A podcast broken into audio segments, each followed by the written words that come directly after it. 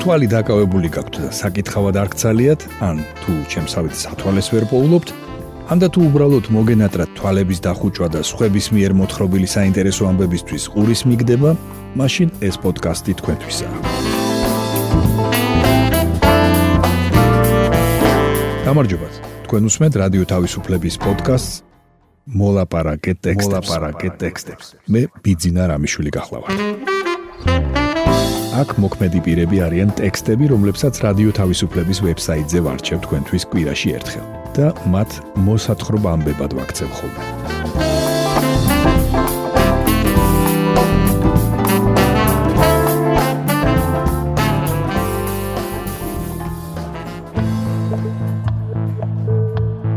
დღეს ვისაუბრებთ პანდემიის 10 სიკეთეზე. ნახავთ რა მოხდა სინამდვილეში რუის ურბნისის კრებაზე.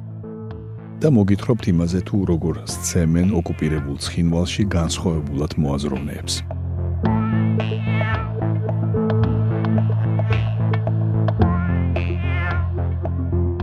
ახლა გთავაზობთ თამუნა ჩქარეულის სტატიას პანდემიის 10 სიკეთე. დიახ, ასეთიც არსებობს. COVID პანდემიაში კარგი არაფერია, მაგრამ სოფლიო კრიზისმა გარკვეულწილად ცხოვრების ცალკეული მიმართულებების გაუმჯობესებაც გვაიძულა. კაცობრიობას ისეთი ამოცანები დაუსვა, რომლებსაც მხოლოდ კოლექტიურად თუ გადავწყვეტთ. ონლაინ მუშაობამ და სწავლებამ დროის დაზოგვა გვასწავლა. დახურულ სივრცეში ყოფნის შიშმა ჰაერზე გამოგვიყვანა.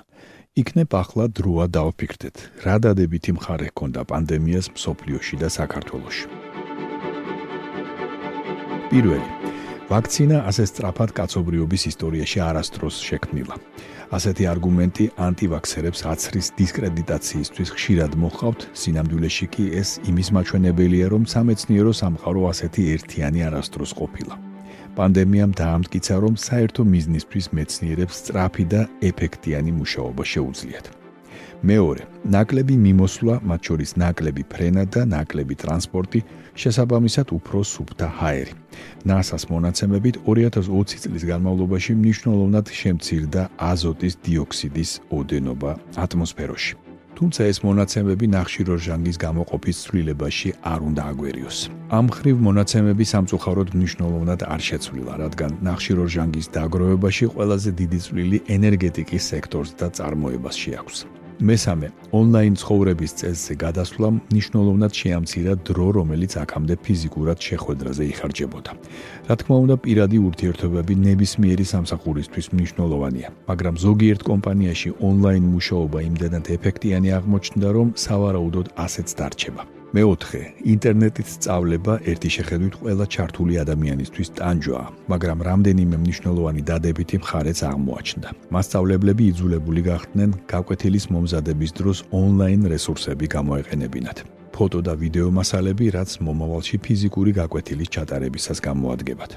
ონლაინ სწავლებამ რეგიონებში ინტერნეტიზაციის პრობლემაც გამოავლინა, რამაც საბოლოო ჯამში ინტერნეტი მეტ ახალგაზრდამდე მიიტანა. მეხუთე, ფაქტობრივად აღარ არსებობს პროდუქტი, რომელსაც ონლაინ ვერ შევიძენთ და სახლში ვერ მოგიტანენ. ეფექტიანმა გამოძახების სერვისმა პანდემიისას ბევრი ბიზნესი გაქრობას გადაარჩინა. მეექვსე, როგორ დავიბანოთ ხელები, რა სიმპტომები გამოარჩევს COVID-ს გრიპისგან და გაციებისგან, რა წინაპირობებია საჭირო ვაქცინაციისთვის. საკუთარ ჯანდაცვაში ასე ჩახედულები ჯერ არასდროს ყოფილვართ. COVID-მა და აცრისთვის მომზადებამ ადამიანებს სტიმული მისცა წლობის მიუხედავად ჯანმრთელობის პრობლემების გამო პროფესიონალებისთვის მიემართათ. პანდემიის შემდეგ სავარაუდოდ უფრო გათვითცნობიერებულები ვიქნებით ჩვენს ჯანმრთელობაში და რა უნდა გავაკეთოთ, რომ უფრო დიდხანს ვიცოცხლოთ. მეშვიდე პანდემიამ სოფლიო მოსახლეობას არაერთი ფსიქოლოგიური გამოწვევა მოუტანა. დეპრესია, გადაღლა, ინფიცირების მუდმივი შიში და გართულებული ურთიერთობები ერთ ჭერქვეშ ხანგრძლივი ცხოვრების გამო. კარგი ის არის, რომ ფსიქიკური ჯანმრთელობის საკითხებზე მეც ვსაუბრობთ.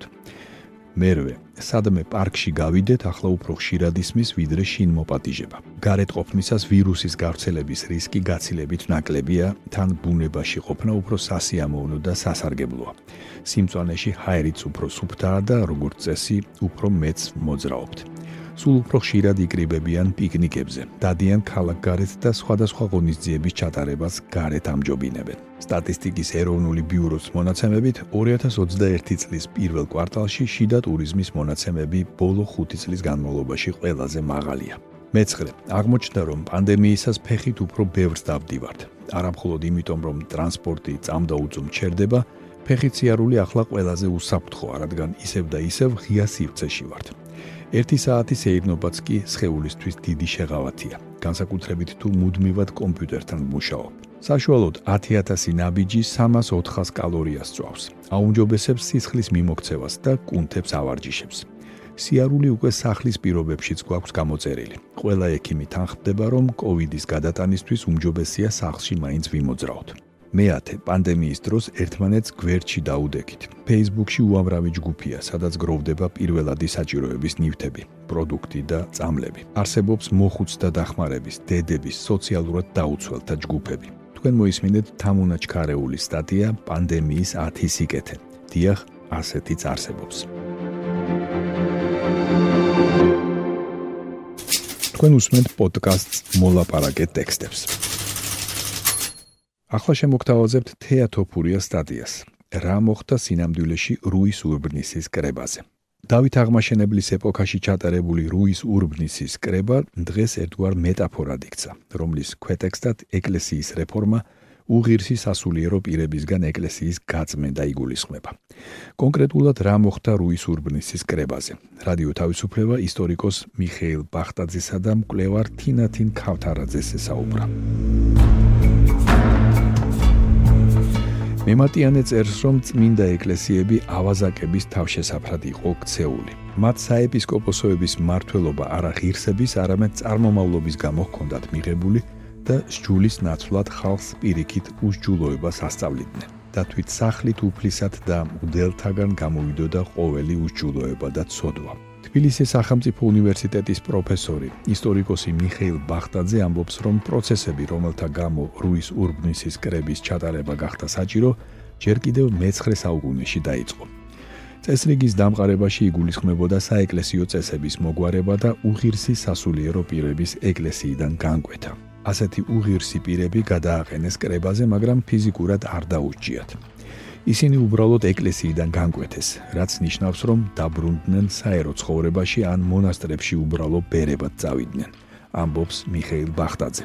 რუის უბრნისის კრებას ესწრებოდნენ კათოლიკოს პატრიარქი იოანე, ეპისკოპოსები გიორგი მეორე, მისი თანამოსაყდრე დავითი და გიორგის და მარიამი. აქვეა მწიგნობართ უხუცესი გიორგის. მეცნიერთა ნაწილი მიიჩნევს, რომ რუის ურბნისის კრების შემდეგ მეფემ გააერთიანა ორი თანამდებობა. მწიგნობართ უხუცესი და ჭონდიდელი. თუმცა არის აზრი, რომ ორი ტიტული გაერთიანდა კრებამდე და რუის ურბნისის თავყრილობაზე გიორგის უკვე ჭონდიდის ეპისკოპოსის სტატუსის ჰქონდა მინიჭებული. ქართლის ცხოვრება არ აზუსტებს კონკრეტულად რამდენი სასულიერო პირი განკვეთეს ეკლესიიდან, თუმცა სავარაუდოდ ისინი არ იყვნენ უმრავლესობაში. რადგანაც კრებამ მათი ეკლესიისგან ჩამოშორება ძნელად, მაგრამ მაინც მოახერხა. რუის ურბნისის კრებამ ასევე დაადგინა მთელი რიგი კანონები, რომელთაც საეკლესიო და საერო ცხოვრება უნდა დაქვემდებარებოდა. მაგალითად, აიგრძალა სასულიერო პირის ხელდასხმაში საფასურის აღება. დადგინდა, რომ მონასტრებს უთანხმოების თავიდან ასაცილებლად მხოლოდ ერთი ან ორი წინამძღვარი ეყოლებოდათ. ასევე განისაზღვრა ასაკი, რომლის ქვევითაც გარკვეული სასულიერო წოდების მიღება შეუძლებელი იქნებოდა.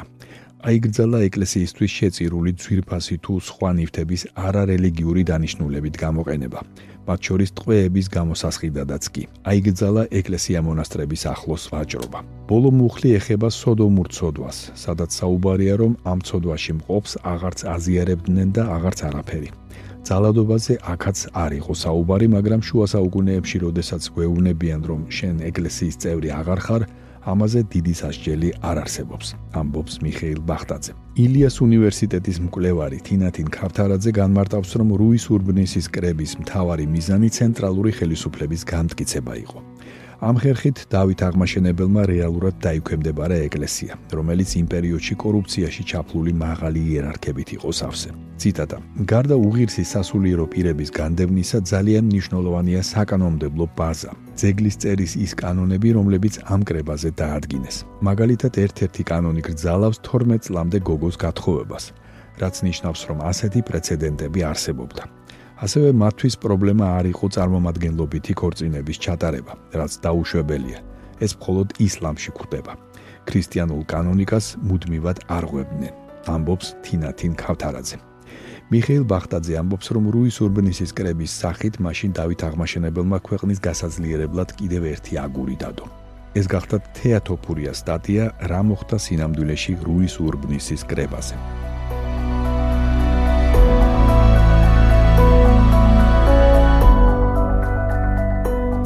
თქვენ უსმენთ პოდკასტს მოლაპარაკე ტექსტებს.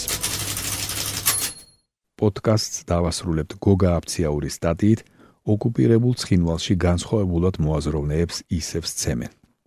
ალან ბეკოევს ცხინვალში ყველა იცნობს. ის წლების განმავლობაში აქტიურად არის ჩართული ადგილობრივ პოლიტიკურ ცხოვრებაში. წლების წინ ის იყო დე-ფაქტო პრეზიდენტობის კანდიდატის ალა ჯიოევას მხარდამჭერი და მისი შტაბის უფროსი. ბოლო დროს ის სოციალურ ქსელებში აქტიურობდა და მკაცრად აკრიტიკებდა დე-ფაქტო პრეზიდენტს ანატოლი ბიბილოვს და ეგრეთ წოდებულ მართლ პარტია ედინა ასეტიას. მის მიერ გამოქვეყნებული ერთ-ერთი პოსტი კი ბიბილოვის ძალოვანი უწყებების წარმომადგენლებმა შეურაცხყოფლად მიიჩნიეს და ბეკოევის წინააღმდეგ სპეცოპერაცია დაგეგმეს. ბეკოევი ერთი თვის განმავლობაში ვლადიკავკაზში იმყოფებოდა. ცხინვალში მეგობრის საფლავის მოსანახულებლად ორი დღით ჩამოსულს კი თავს დაესხდნენ.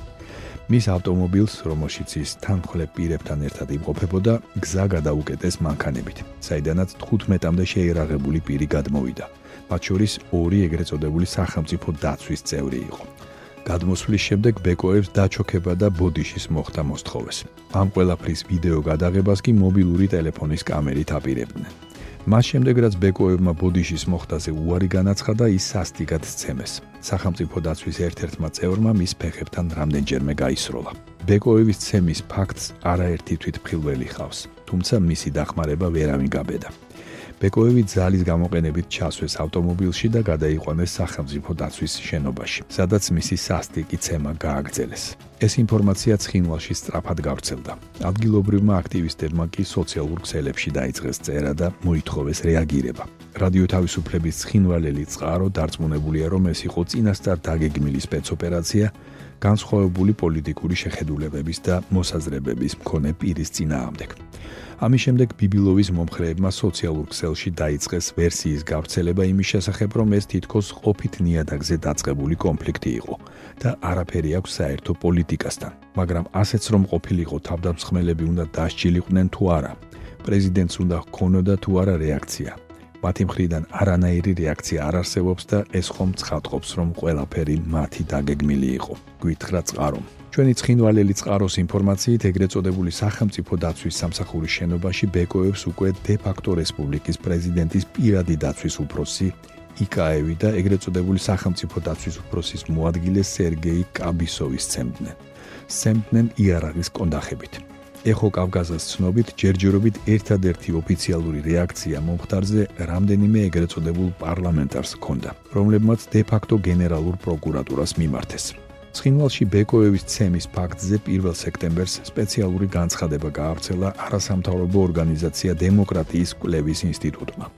ყოფილი სახალხო დამცველის უჩან ანუაშვილის ორგანიზაცია საერთაშორისო ორგანიზაციებს მოუწოდებს ყურადღება მიაქციონ ოკუპირებულ ტერიტორიებზე მცხოვრები მოქალაქეების უფლებების საკითხს. რადიო თავისუფლების წყაროს ადასტურებს, რომ ბეკოევი ამჟამად ვლადიკავკაზის ერთ-ერთ კლინიკაში მკურნალობს და გამოჯამთელების შემდეგ სპეციალური განცხადების გაკეთებას გეგმავს. ეს იყო გოგა აფციაური სტატია ოკუპირებულ ცხინვალში განსხვავებულად მოაზროვნეებს ისევ სცემენ.